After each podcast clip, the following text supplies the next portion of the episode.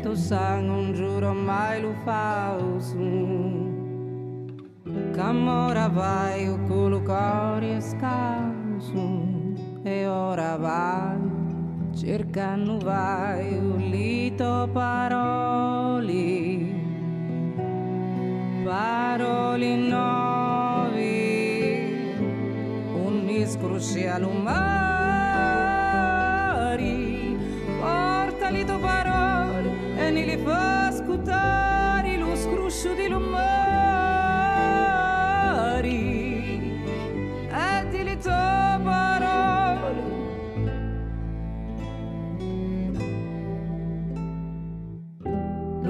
Lu contavi la tua uscipisa Leggio a leggio culierisa E ora vai Cercando vai La uscintisa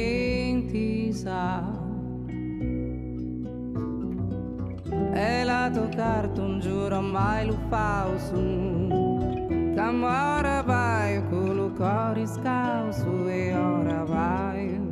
aspettando vai tue parole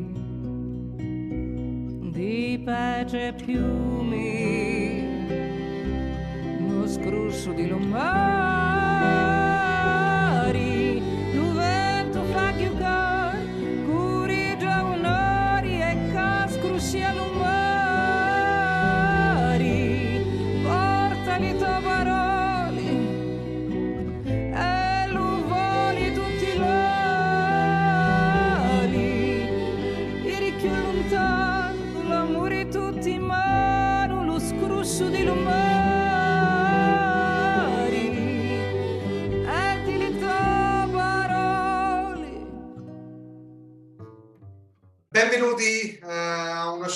caldo- calvo eh, sotto la doccia, come ogni eh, martedì, terzo martedì del mese. eh, siamo qui con eh, un, un ospite eh, speciale. Ringraziamo innanzitutto Radio, Radio Italiana che tramite eh, Staz FM eh, ci ospita ogni mese. Oggi abbiamo un, un ospite veramente speciale, come avete ascoltato dalle, dalle vibrazioni musicali dell'inizio, ci troviamo in una terra magnifica, la, la mia, la mia regione preferita in Italia, ovvero eh, la Sicilia. Questo personaggio, ancora per qualche mo- momento misterioso, è un, io lo considero uno dei rappresentanti massimi eh, del- del- della Sicilia, ma nel senso di promotore della sua eh, bellezza e del- del- dell'immenso patrimonio eh, culturale che, che la Sicilia ci, ci- ci offre ormai da, eh, da secoli. Eh, ho conosciuto, eh, vi rivelo almeno il nome, sto parlando di Salvo Salvatore Buffa, allora lo salutiamo anche. Ciao Salvo, come stai? Salve Francesco, salve a tutti. Eh, non c'è male, tutto ok. Salvo va bene o Salvatore, cosa preferisci? Eh, va bene, salvo. È, è così che, insomma, la maggior parte delle persone che mi conoscono mi chiamano Perfetto, Ah, Salvatore in ogni caso. anch'io lo preferisco perché così ti ho conosciuto, infatti eh, è stato, eh, mi sembra agosto, metà agosto, Sì. eh, sono venuto con la mia ragazza eh, in Sicilia e eh, all'ultimo momento siamo riusciti ad entrare nel magnifico parco archeologico di, eh, di Selinunte e non avevamo una guida, quindi eh, ma, eh, diciamo alla bisogna eh, comunque ci siamo, abbiamo cercato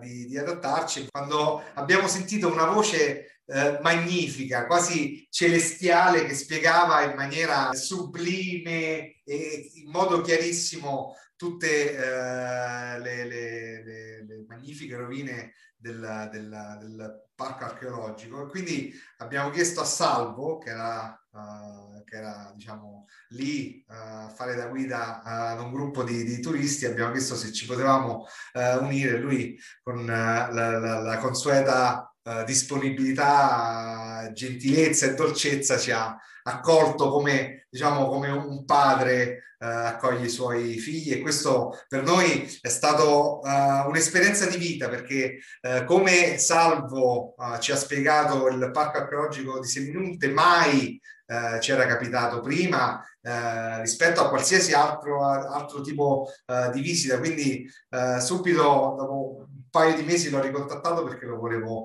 assolutamente ospite eh, per parlare di qualsiasi altra cosa perché Salvo è una, una fucina di, di, informazioni e di, di, di curiosità, insomma, sa, sa praticamente Uh, qualsiasi cosa. E quindi volevo capire se mi poteva aiutare uh, anche in questa nuova avventura. E quindi l'ho invitato oggi al, a uno scienziato calvo uh, sotto la, la, doccia e ti ringrazio per aver accettato questo invito, Salvo. Um, allora, parlaci un po' di te, vogliamo sapere chi sei, io lo so, diciamo, però forse i nostri ascoltatori adesso sono curiosi di sapere eh, chi sei, qual è la tua storia, eh, come sei arrivato a fare la guida turistica. Bene, eh, salve ancora a tutti, grazie a Francesco di tutti questi elogi, molto meritatissimi. Molto gentile. Beh, io mh, ormai sono insomma una guida storica dell'isola eh, perché lavoro veramente da tantissimi anni mh, mm, e ho iniziato quasi, eh, diciamo, questo mio lavoro mh, mm, non per gioco, perché io mi sono occupato mh, mm, nel periodo della mia gioventù eh, di volontariato. E nel volontariato, oltre alla realtà assistenziale, eh, io spesso mh, eh, mi occupavo anche di portare eh, le persone a, a, visitare monumenti, a, a vedere, ad apprezzare, a, a, vedere anche così di capire qual è stata la storia di queste aree monumentali no? nel corso dei tempi e di lì, eh, per quanto io abbia fatto studi di architettura, mh, mm, ecco, io però ho capito, perché la mia formazione, eh, mi sono formato alla facoltà di architettura a Palermo, ma in realtà ho capito che invece, senza trascurare questo aspetto, eh, io mi sono reso conto che il mio grande interesse era quello di trasferire agli altri, eh, dare la facoltà a, agli altri di conoscere eh, i repertori monumentali e, e far sì eh, che questi, eh, proprio attraverso anche la parola, attraverso il racconto, eh, potessero eh, insomma rivivere e, e, farli conoscere agli altri, farli fruire agli altri. E, e, così comincia la mia storia, mi sono abilitato mh, mm, con i nostri concorsi ufficiali per poter espletare la professione e ho iniziato così a girare non solo il territorio in cui vivo, perché io vivo nel territorio trapanese, limitrofo a Selinunte, ma eh, ho cominciato a girare per l'isola e quindi ho abbracciato questa capacità di interessarmi a tutto quello che era il nostro patrimonio siciliano eh, nella, nella, sua totalità senza davvero trascurare nulla. E, e, questo è iniziato dalla fine degli anni Ottanta fino ad adesso ininterrottamente perché ormai la mia professione è reale, la guida turistica è quello che faccio. Salvatore, eh, innanzitutto ti ringrazio della, della chiarissima eh, introduzione, ma quindi diciamo questa questa voglia di far conoscere anche agli altri uh, questo patrimonio immenso uh, che è il patrimonio uh, culturale e artistico della Sicilia è stato ispirato da, questa, da queste azioni di volontariato, dall'aver capito che c'era questa necessità di far conoscere agli altri, c'era questo, questa voglia anche da parte di altre persone di, di conoscere la, la Sicilia. Sì, sì, da parte mia eh, io ho capito che, cioè personalmente osservando eh, quello che poteva essere un repertorio monumentale, ecco, questo mi suscitava grande interesse, ma io mi sono messo nell'ottica di eh, poter far sì che il fatto di apprezzare, ricercare, andare a conoscere mh, potesse essere anche una situazione da mettere a disposizione anche di chi mh, non, o non ha gli strumenti o non ha eh, interessi o vuole approcciarsi ad una realtà eh, per la conoscenza del monumento, per la conoscenza eh, di un edificio, di una storia, di una tradizione popolare, eh, di, mh, diciamo, di tutto quello veramente che in toto ehm, può, um, diciamo così, accrescere eh, culturalmente l'interesse di ogni singola persona. Ma anche per averne più rispetto, perché a volte eh, incontriamo, abbiamo, eh, ci capita spesso di, di vedere che per mancanza di conoscenza non ci sia molto rispetto o per un reperto uh, monumentale, ma uh, anche più semplicemente per diciamo, le, le, la cosa comune. È anche un po' questo forse un obiettivo che una guida come te vuole raggiungere? Ma eh, direi anche di sì, perché mi sono reso conto che spesso um, alle volte mh, si osserva così in maniera superficiale si guarda eh, quella determinata realtà, quel determinato monumento, quel determinato ambiente monumentale e beh, si fa la considerazione, beh, è una cosa antica, finisce lì, esatto. magari senza interessarsi più di tanto. Poi, mh, per esempio, nella mentalità per alcuni versi siciliana di tantissimi e tantissimi anni fa, evidentemente erano le cose vecchie, mh, eh, come tali rovine in tutti i sensi. e, e, allora nella mia mente è scattato questo eh, desiderio invece di far sì eh, che le cose vecchie, tra virgolette, avessero un'anima, avessero delle gambe, avessero parole per poter far sì che chiunque eh, ne potesse trarre beneficio, conoscenza e anche soddisfazione. Certo. Uh, Montalbano, eh, abbiamo iniziato così uh, la trasmissione con uh, un magnifico pezzo di Olivia Sellerio, è diciamo una delle modalità che, che, la RAI ha utilizzato per promuovere la Sicilia. In effetti eh, grazie anche a Montalbano abbiamo visto dei, dei, dei posti e forse il, il, il, telespettatore medio si è anche appassionato eh, e è stato invogliato a visitare eh, alcuni dei, dei, posti in cui è stato ambientato il, lo, lo, sceneggiato. Um, ci vuoi dire qualcosa di questa di quest'artista Salvatore che, abbiamo, che ha introdotto la trasmissione? Sì, sicuramente eh, Olivia Sellerio attualmente è una delle musiciste eh, veramente più in auge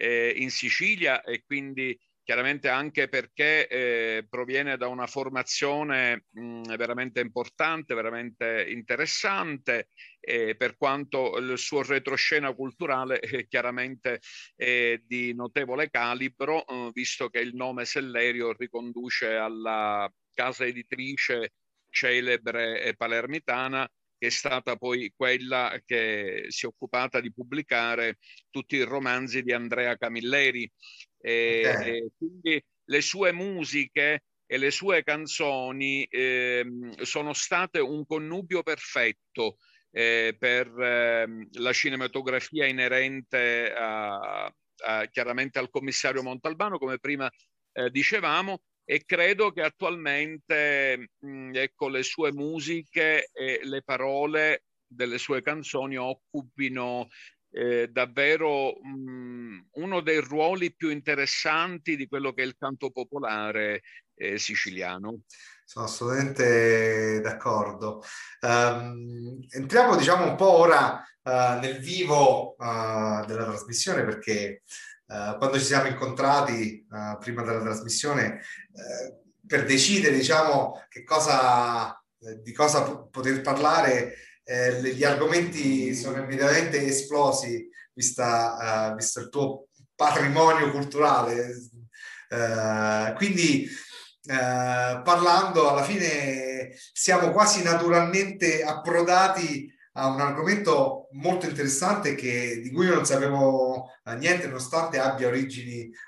siciliane eh, mi riferisco alle tradizioni popolari, alle feste, addirittura in maniera più specifica alle feste eh, popolari eh, siciliane. Ho scoperto che ce n'è una miriade, eh, esistono una miriade eh, di queste feste, una più interessante, una più peculiare dell'altra. Uh, è vero, Salvatore? Eh, eh beh, direi che se si viene a visitare la Sicilia,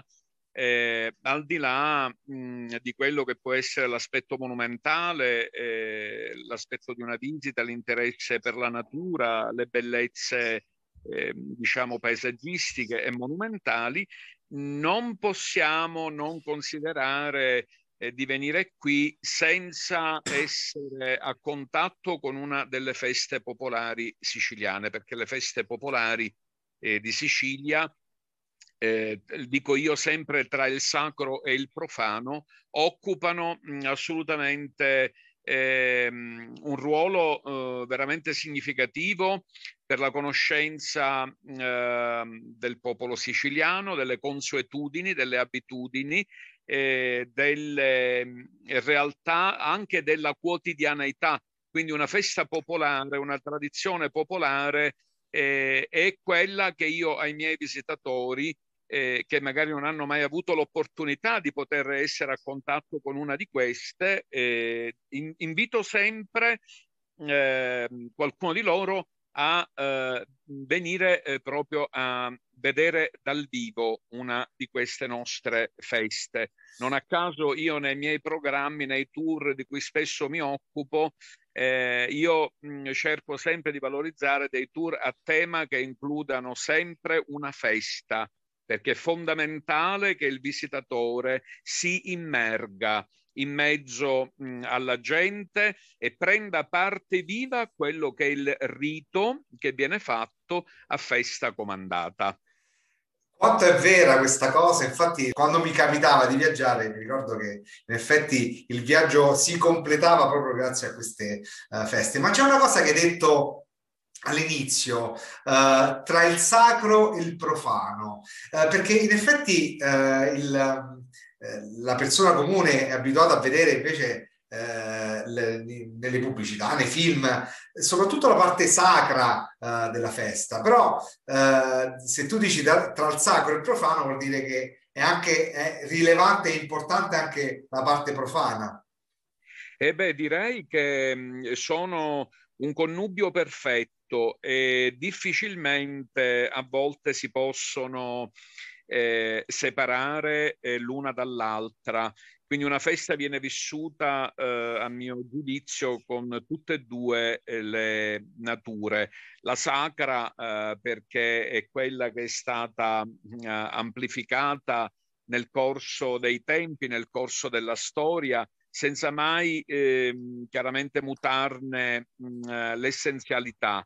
la profana, la parte profana, perché ogni rito è, è rivestito di colore, è, è rivestito eh, di fantasmagorico, è rivestito di ampolloso, eh, di ricco, di stupefacente eh, ed è eh, anche rivestito di grande stupore. Questa è tutta la parte eh, profana che mh, mm, eh, vi gira chiaramente eh, attorno e per cui non credo che possa esistere una nostra festa che non incarni in sé eh, le due nature. La pandemia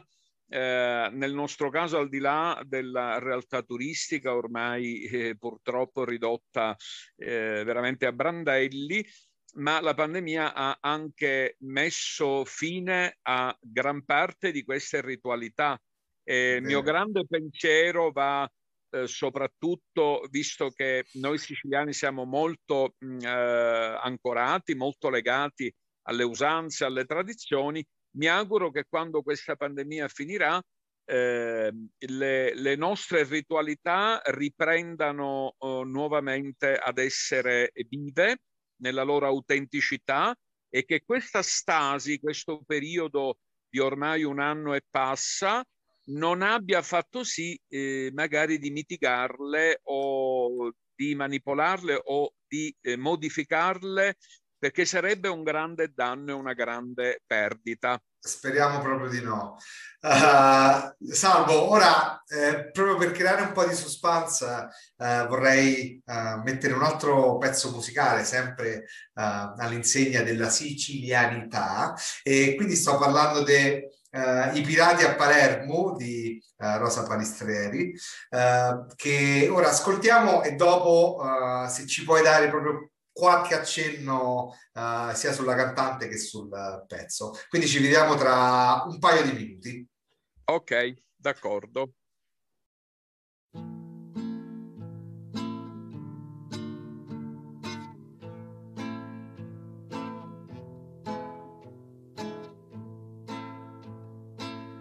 Arrivarono le navi, tante navi a Palermo le pirate sbarcarono con le facce d'inverno. Ne rubarono lo sole, lo sole.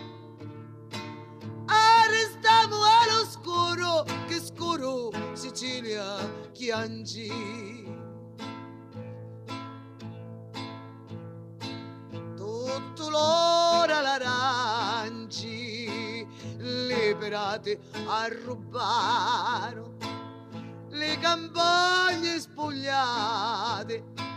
con l'aneglia l'assaro ne rubare lo sole lo sole. Arrestiamo all'oscuro che scuro Sicilia chiangi colore lumari n'arrobaro che danno. S'ammazzote le pesce che lamento che fanno. Alle femmine nostre ci separo di occhi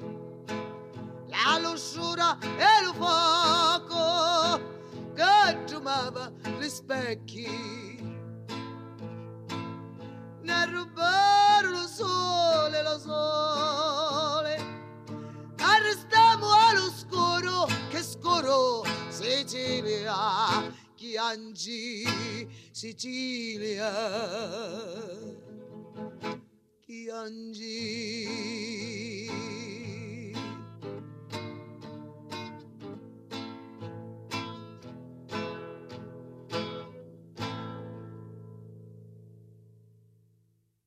Rosa o come è conosciuta Rusida Lalicatisi, eh, è chiamata così, eh, era delicata eh, e quindi è il top eh, della canzone popolare eh, siciliana, con una storia alle sue spalle impressionante. E infatti inviterei mh, i nostri ascoltatori, se troveranno del tempo, a eh, leggere la, la, sua biografia perché è pazzesca, perché è di una mh, ricchezza, di una eh, poliedricità senza pari e soprattutto una donna con, che ha saputo eh, coniugare mh, eh, ecco, la tradizione popolare, la tradizione canora siciliana attraverso questa voce rauca molto forte, molto particolare, raccontando ehm, eh, le, le preghiere dei campi, le storie contadine, e come o le serenate d'amore o per esempio delle canzoni legate eh, anche alla tradizione religiosa, eh, ma ehm, cantate, interpretate con un pathos che io trovo che nessuna cantante, nessuna esponente del canto siciliano potrà mai raggiungere come è stata Rosa Balistreri. Ci vuoi fare qualche esempio, Salvo, di queste feste popolari, queste tradizioni che... Eh, Ma guarda, ogni periodo dell'arco dell'anno mh, mm, è scandito da ritualità eh, che reputo eh, peraltro ancestrali perché si legano a retaggi eh, di culture molto precedenti amplificati, amplificate attraverso i secoli. Eh, trovo che tra le feste più belle, eh, per esempio, una festa che accomuna l'intera eh, regione, e sono le, per esempio le feste di primavera, in modo particolare le feste legate alla panificazione, legate alla eh, produzione di pane votivo, pane devozionale, eh, ovvero fare pane per fare festa. Pane uguale festa, pane uguale carità, nel senso di farlo per donarlo. Allora, una festa che accomuna l'intero popolo siciliano, eh, da questo punto di vista, nella tradizione più antica, di certo è la festa del patriarca Giuseppe, eh, che viene celebrata in tutte le comunità siciliane, eh, offrendo degli altari eh, di pane sono tutte formelline di pane che vengono lavorate a mano a migliaia e assieme ad alimenti vari ecco, vengono donati nel segno della carità ai poveri. E, e questo, questa tradizione di fare il pane eh, e farlo proprio per il dono eh, eh, è veramente antica perché già fin dall'età greca in molte feste eh, si usava eh, ecco proprio panificare, fare pane eh, per destinarlo alle divinità. E quindi così eh, come nella tradizione cristiana, eh, fare il pane e farlo eh, per il dono, per renderlo in dono, cioè per non trattenerlo per sé. E allora in tutta l'isola, eh, il giorno 19 di marzo è un giorno eh, in, cu- in, cui vengono allestiti tutti questi altari. Si possono chiamare altari, eh, tavolate, mense, dipende dalle varie zone della Sicilia. Qui nella zona dove io risiedo, che è la Valle del Belice, eh, è la più ricca eh, perché la laboriosità delle mani sapienti delle donne anziane lavora il pane più ricco, il pane più ehm, più minuzioso, più raffinato, eh, formando oh, questi eh, giganteschi altari fatti di eh, alloro eh, di mirto, di arance, di limoni, di pane, ecco, con un enorme poi banchetto di pietanze che deve essere donato eh, proprio a, a, tre persone povere eh, dell'abitato che devono avere in dono tutto questo cibo per trovarne alimento, visto che eh, c'è un, una situazione eh, di, di, mancanza di questo. E allora mh, essere presenti ad una eh, di queste feste eh, non, per la persona che arriva non, non è l'estraneo, viene invitato e viene invitato a prendere parte a questo banchetto e, e allora la, la tradizione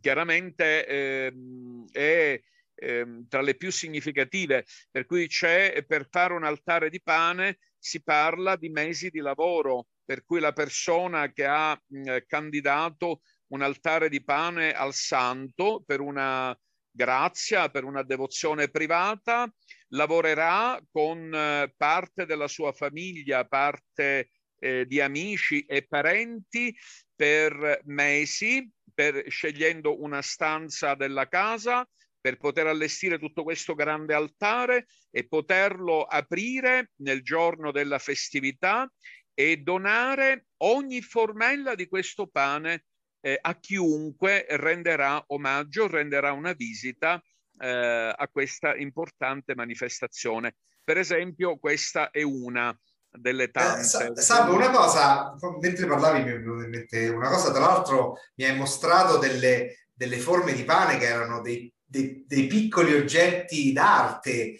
veramente, eh, come dicevi tu, eh, pane fatto con grande maestria e minuziosità. E, e la cosa che mi, che mi fa, uh, mi fa riflettere è che questo donare il pane vale anche per le persone, diciamo, come dicevi tu, per gli estranei. Cioè, se io vado là e voglio, uh, voglio del pane, devo, devo, pagarlo o mi viene offerto? Assolutamente no. Il pane viene fatto dai devoti per donarlo e anche a una persona che non è della famiglia, che non è del paese, anche un semplice passante, non deve assolutamente dare un soldo. In questo senso... E, e, quindi a te, eh, utente, che ti troverai lì per la festa, eh, eh, la, tua presenza in loco già fa sì che la persona che ha allestito questo grande altare farà sì che anche tu possa avere uno di questi pani. Essendo di particolare preziosità, eh, spesso eh, noi li teniamo in casa, eh, oltre che ma- mangiarli al momento, perché vengono benedetti, e, e allora mh, la, la minuziosità con la quale sono fatti è, è, qualcosa di impressionante, per cui il tutto va nell'arte del sapere della mano, lo chiamo così, l'arte del sapere della mano, una cosa importante che risiede eh, proprio nella manualità delle donne più anziane che sono state custodi fino al nostro tempo di questa manualità al fine di restituire una panificazione così raffinata come quella che viene fatta nei paesi della Valle del Belice. Eh, infatti, eh, in questo senso, uh, quando hai detto quanto sono importanti, quando discutevamo di quanto sono importanti poi queste uh, tradizioni, il fatto del, del, donare, il fatto di, di esprimere questa generosità, che, che, è un valore che stiamo sempre più perdendo, sottolinea quanto sia, siano importanti queste feste proprio per cercare di, di riappropriarsi di questo tipo uh, di, di valori, di rispettarli, come dicevamo prima. Sì, è fondamentale e peraltro, eh, guarda, ti dico anche un'altra cosa, eh, tra gli utenti eh, anche spesso di queste eh, manifestazioni, come nel caso appunto degli altari di San Giuseppe eh, a Saleni, Gibellina, eh, Reale, Santa Ninfa, Sala Paruta, Vita, Partanna, ne potrei menzionare tanti altri di paesi, eh, chiaramente. Eh, sono anche le scuole ad essere protagoniste, perché c'è anche un disegno didattico di far sì che l'utenza mh, scolastica conosca e prenda atto di quella che è l'appartenenza di, di questa realtà e che serva anche così ad amplificarla materialmente proprio per il futuro. Guarda, le feste sono veramente tante, quindi guarda proprio in questo periodo non ne parliamo adesso, ce ne saranno tante altre legate alla panificazione, io le menziono magari per i nostri ascoltatori se la curiosità eh, insomma genera interesse le potranno eh, ricercare perché in questi giorni per esempio cominceranno le feste eh, legate eh, per esempio eh, a Calatafimi la festa del crocifisso che è una festa molto antica e anche lì viene eh, usata eh, l'arte della panificazione la festa della Vergine d'Italia via a vita lì addirittura entrano come anche a Calatafimi ad essere protagonisti pure gli animali che vengono parati a festa e, e vengono mh, decorati fino all'inverosimile, eh, oppure fare pane anche per altre festività. La festa, per esempio, dello Santo Pace, che è una festa, eh, la festa di San Francesco di Paola, nella tradizione eh, trapanese era sempre usanza regalare un cuccidato al santo, cioè un enorme pane eh, di almeno mm, una, una sessantina di centimetri di diametro, un pane gigantesco con un bel fiocco di raso rosso. Eh, le persone di una certa età se lo ricordano ancora eh, questo tipo di dono che veniva fatto. Ma feste legate alla panificazione ce ne sono davvero una miriade. La festa di San Paolo per esempio a Palazzolo Acraide, che vede la raccolta di questi pani il giorno 29 di giugno, eh, oppure una festa indimenticabile, la festa di San Biagio a Salemi, eh, che viene fatta per celebrare eh, un miracolo eh, legato a un'orda eh, di locuste che avevano invaso il seminato e i campi eh, del territorio e per invocazione del santo eh, questa, eh, diciamo, mm, miriade di insetti voraci andarono via. Allora, in ricordo di questa eh, tradizione che risale al Cinquecento, ogni anno ancora le donne, eh, per esempio del paese di Salemi, lavorano i pani, li chiamano cavaduzzi, a forma di cavalletta, ricordando il um, miracolo e il ringraziamento al santo. Per cui tu, uh, visitatore, verrai in città, vieni nella chiesa deputata, eh, nelle tue mani ti verranno consegnati i pani di San Biagio senza nulla chiedere, ma potrei, potremmo dire pani a Bizzeffa, i pani di Santa Elisabetta, i pani di Sant'Antonio Abate, i pani di San Calogero, non ne parliamo, tutta la, l'agro, il territorio agrigentino,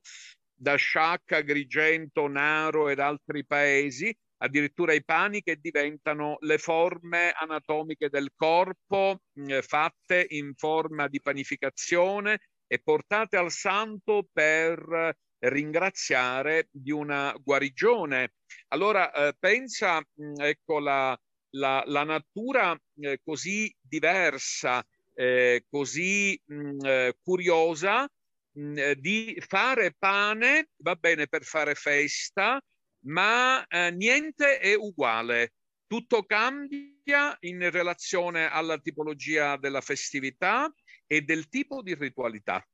È vero, cioè il pane rimane, però eh, dipendentemente da che cosa si, si, festeggia, cambiano, come dici tu, le ritualità. In questo, in questo contesto, quando hai parlato della, della, dell'invasione delle cavallette, in effetti eh, si festeggia proprio una, un avvenimento, nel, nel caso specifico eh, la cacciata da parte di un santo eh, di cavallette, quindi si, si ricorda un, un, evento straordinario come eh, in questo certo. caso che... Eh, Esattamente come dici tu, eh, le feste hanno delle giornate comandate non possono essere fatte ad muzzum in una giornata a caso, ma eh, ricordano o in taluni casi il giorno del dies natalis del santo, il giorno in cui ricorre la sua festa da calendario liturgico, o possono essere celebrate nel giorno in cui ricade un miracolo particolare, un evento particolare legato al santo. Io ho fatto l'esempio eh, di San Biagio e i pani a forma di cavallette, ma eh, girando per l'isola intera spesso eh, nel giorno, in alcune giornate e in alcune realtà di festività, ciò avviene eh, per celebrare eh, per esempio giornate che mh, eh, rimandano nella storia ad eventi importanti. Ti faccio due esempi. Per esempio, eh, se visiti Erice, nel Duomo di Erice, una grande placca in marmo custodisce i 74 miracoli della Vergine di Custonaci, patrona della città. E tra questi miracoli addirittura uno di questi,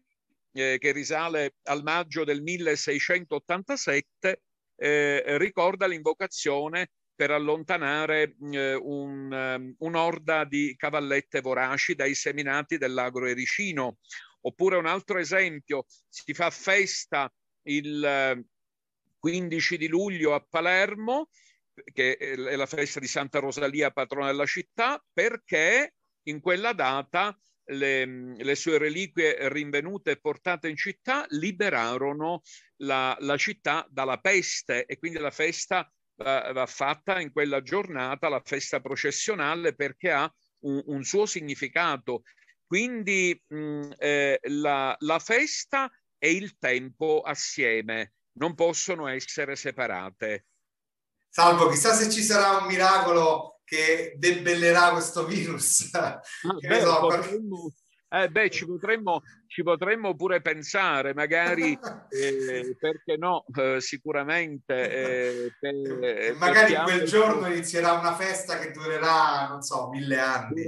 Eh, beh, abbiamo feste, comunque ritualità nella tradizione siciliana eh, che durano poi tanti giorni. E una di queste, per esempio, una festa eh, che nel parterre delle ritualità siciliane occupa direi uno dei primi posti in assoluto è la festa di Sant'Agata a Catania. E sono... allora io ti, ti, stoppo qui un attimo salvo perché eh, metterei un altro pezzo perché la festa di Sant'Agata come, come tu mi hai insegnato tra l'altro è una, una cosa eh, veramente una delle forse prime feste al mondo, ma ne parleremo tra due minuti perché vorrei mettere un altro pezzo. Prima vi ho proposto i Pirati a Palermo e ora eh, vorrei proporvi un altro eh, capolavoro che è Mi voto e mi rivoto.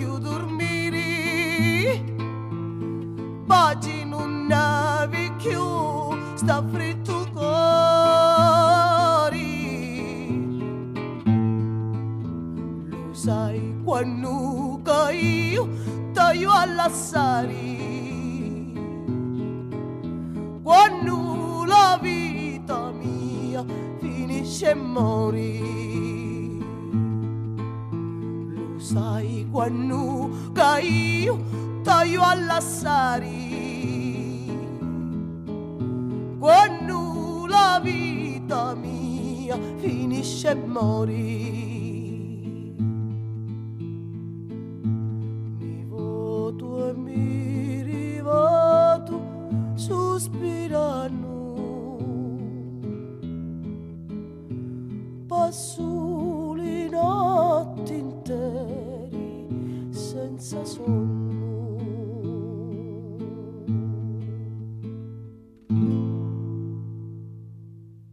ascoltato un altro pezzo magnifico di Rosa Balistreri, eh, in questo caso diciamo un pezzo un po' più intimo, Salvo. Sì, sì, è un po' una mm, quasi una meditazione mm, eh, su, sulla propria persona eh, e quasi, quasi eh, diciamo una riflessione su di sé. Ecco. E a proposito di riflessioni, eh, che cosa ci racconti? Ci avevi lasciato con la festa di Sant'Agata che altro che riflessioni, eh diciamo, è, un, è un colpo al cuore.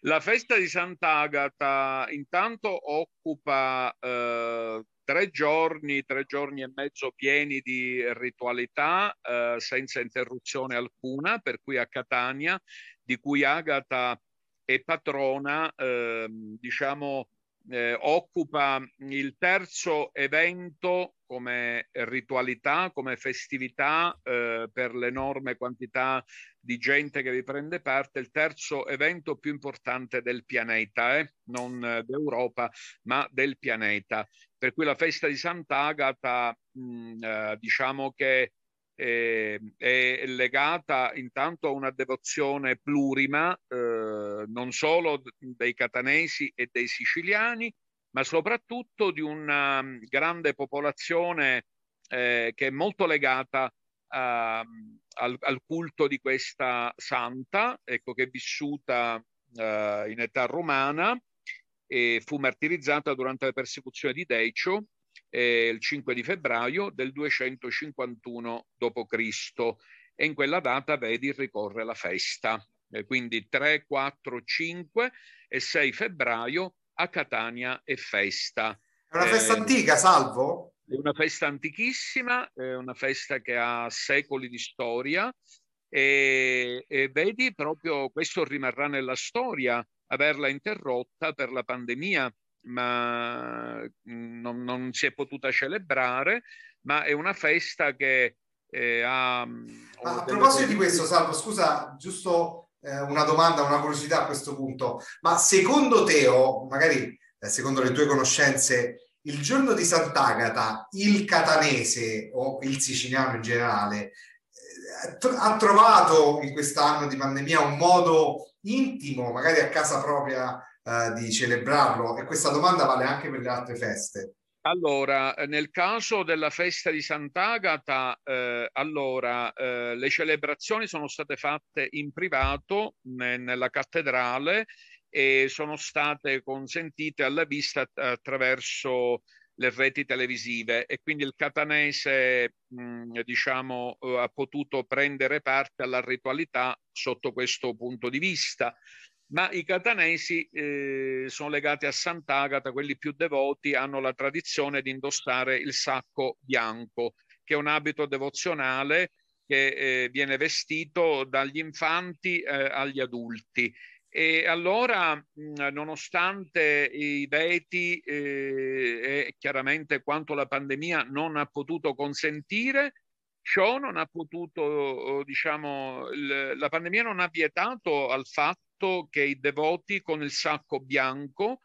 eh, siano andati al, ai cancelli della cattedrale per lasciare fiori, per lasciare coccarde devozionali, per lasciare sceri, per consegnare a quei cancelli le loro preghiere, non avendolo potuto fare in diretta come solitamente avviene nel, nei giorni della ritualità, quando il busto eh, pieno di pietre preziose, viene portato in processione per la città dal 4 di febbraio all'alba, eh, perché è quella la, la data clou, fino al 6 di febbraio, quando questo busto, materialmente questo busto reliquiario e la cassa reliquiaria rientrano ehm, nella cattedrale. E, e quindi eh, questo i catanesi lo hanno fatto e in cuor loro in questa maniera o anche altri siciliani privatamente hanno potuto così come dire assolvere anche a una devozione privata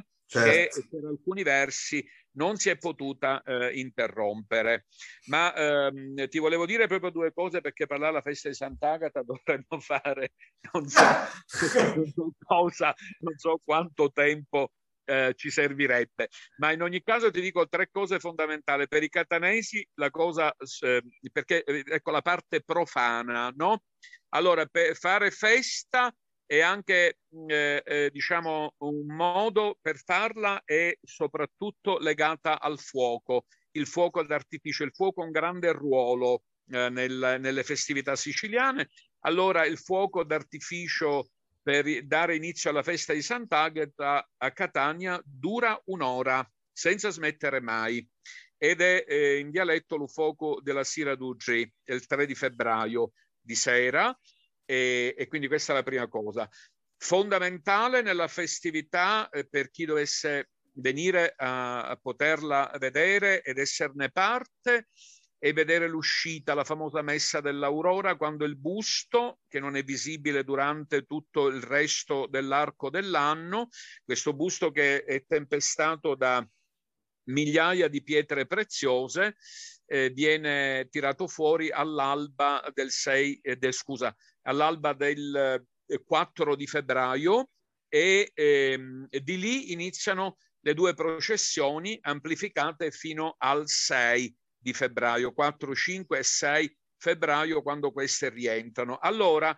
eh, un'altra cosa importante nelle festività siciliane è il ruolo occupato dalla cera. Portare la cera ai santi è quasi un obbligo nella devozione privata e nessuno può competere con i ceri della festa di Sant'Agata a Catania. Chi si trova il 5 di febbraio alle 5 di pomeriggio nella centralissima via Etnea avrà di fronte a sé la più grande foresta di fiamme che abbia mai visto perché un firmamento di ceri accesi come quello portato ad Agata, con candele che arrivano fino a 120 kg l'una, vederli accendere tutto ad un tratto e si rimane eh, completamente eh, esterefatti, perché non esiste un'altra parte del pianeta dove può essere vista una manifestazione di questa portata, di questa entità,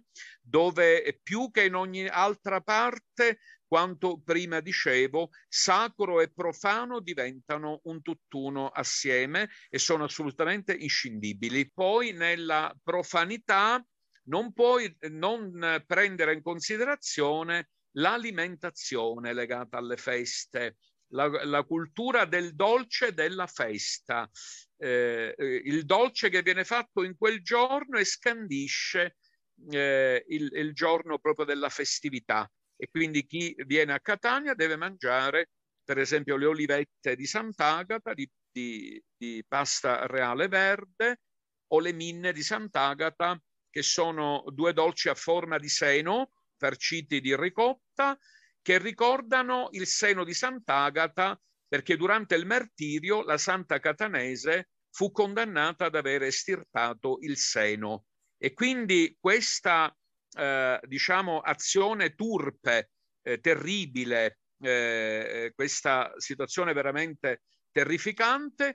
viene addolcita nel ricordo con l'uso di un dolce che ricorda proprio il petto martoriato di Agata, le minne. No? Magnifico. Eh, Magnifico anche ricordare tramite, come dici tu, il sacro e il profano sono quasi indistinguibili. È incredibile ricordare una, eh, un evento eh, realmente accaduto con eh, poi eh, tramite de, de, de, del cibo, no? in questo caso dei dolci. Il cibo ah, vedi, in questo caso cambia, non è più la, la, fonte della carità, come dicevo per il pane, esatto. ma diventa la scansione di fare festa ricordando un determinato rito, no? per esempio la, mm, dicevo le olive di Sant'Agata, la santa catanese va all'anfiteatro per essere martoriata, si ferma, un sandalo le si è slacciato, e, e praticamente si ferma ad allacciarlo, in quel punto nasce un albero di olive, la, anche la leggenda popolare, no? la, la cultura leggendaria, i racconti popolari, e lì nasce un albero di ulivo dai frutti, eh, diciamo, particolarmente buoni, così nasce un dolce a forma di oliva che si deve mangiare in quella giornata, le olive di Sant'Agata, no? Quindi eh, questo. E, e, vedi cioè cosa, eh, cosa non, non, si viene a creare? Un connubio mh, mm, eh, perfetto che non è casuale, non è, ha, ha tutta una sua logica, eh, non assolutamente così legato a, ad elementi insomma accidentali. Salvo, non ci crederai, ma stiamo alla fine del, della trasmissione. Eh, io lo sapevo che parlare con te è come parlare cinque eh, minuti. Eh, ma io volevo dire tante altre cose. Eh, lo so, guarda, eh, ti, ho, ti, ho, fermato proprio perché abbiamo gli ultimissimi due minuti, anzi un minuto e mezzo prima dei saluti. Uh, se vuoi, non so, parlarci di un altro, proprio dell'accenno di un'altra festicciolo e poi rimandiamo i radioascoltatori. Ci devi venire a trovare un'altra volta e così completiamo la festa. Eh, ma io volentieri, ma io voglio che veniate voi a trovarci qui in Sicilia e venire anche voi a prendere parte alle nostre feste. Concludo con ma due parole velocissime perché un'altra ritualità curiosa è anche portare gli animali in dono ai santi e in Sicilia una festa che non può essere non menzionata è la festa di Santa Sofia a Sortino, che è un'altra festa indimenticabile e, e dove questo simulacro meraviglioso ogni anno mh, riceve in dote eh, tutti questi animali meravigliosi infiocchettati eh, con dei fiocchi di raso al collo eh, e vengono dati in beneficenza e allora un'altra ecco, sembra un po' un rito pagano Salvo. hai visto, hai visto come però c'è una logica nella uh, se la reminiscenza rimanda alle feste profane anche dell'antichità allora eh, donare l'animale come dono eh, come elemento di mh, mm, sacrificio lo doni, eh, ecco lo doni, lo regali e viene dato oh, come, mh, mm, eh, come ecco, carattere proprio nella, nell'interiorità della persona come fatto di eh, dono interiore, eh, ecco, in questo caso reso evidente da una, una realtà materiale, ma eh, come anche quello di offrire i bambini privi dei, dei vestiti e dedicarli ai santi perché possano i, i simulacri nella loro identità, proteggerli per la crescita della loro vita, come la festa di San Sebastiano a ehm, Palazzolo Acreide, eh, per esempio, o San Paolo, o come un'altra festa, e concludo perché eh, manca il tempo, indimenticabile la festa di Santa Lucia eh, a Siracusa, dove nella sì. nostra tradizione anche lì la devozione plurima per una delle sante più amate è sempre ogni anno eh, diciamo rammentata eh, perché le persone devote a lei offrono il viaggio senza scarpe e senza calze indimenticabile il piede nudo che calpesta i resti della cera bollente che cola a fiumi sul luogo dove passa questo splendido simulacro della santa. E con questa immagine super poetica, eh, purtroppo vi dobbiamo Uh, lasciare perché uh, la nostra ora uh, è finita, ma in maniera molto piacevole, in maniera, come si usa dire in inglese, inspiring, ci ha ispirato Uh, mi ha ispirato per la seconda volta, anzi per la terza, perché ci siamo già incontrati prima di questa uh, trasmissione. Io ti ringrazio tanto e spero di averti ancora uh, ospite ad uno scienziato calvo sotto la doccia. Grazie a te Francesco dell'invito e grazie a tutti per l'ascolto. Allora vi lasciamo con un altro pezzo molto siciliano,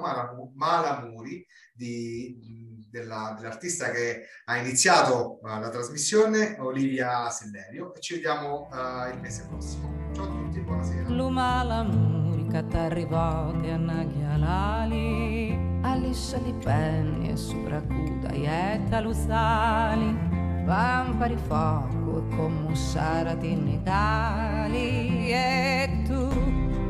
caposti la vita mia, da tu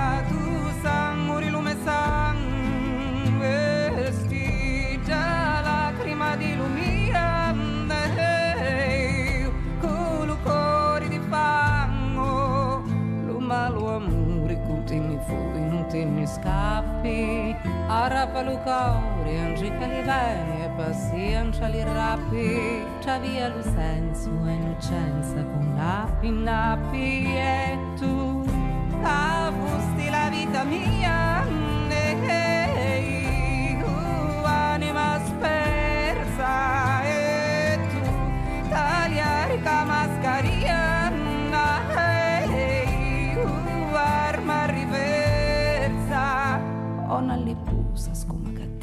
ragia du mari cannaca peglia fonna isa lassa fucari scuta la brogna, calabriogna, la fa mucciari e improntari la tua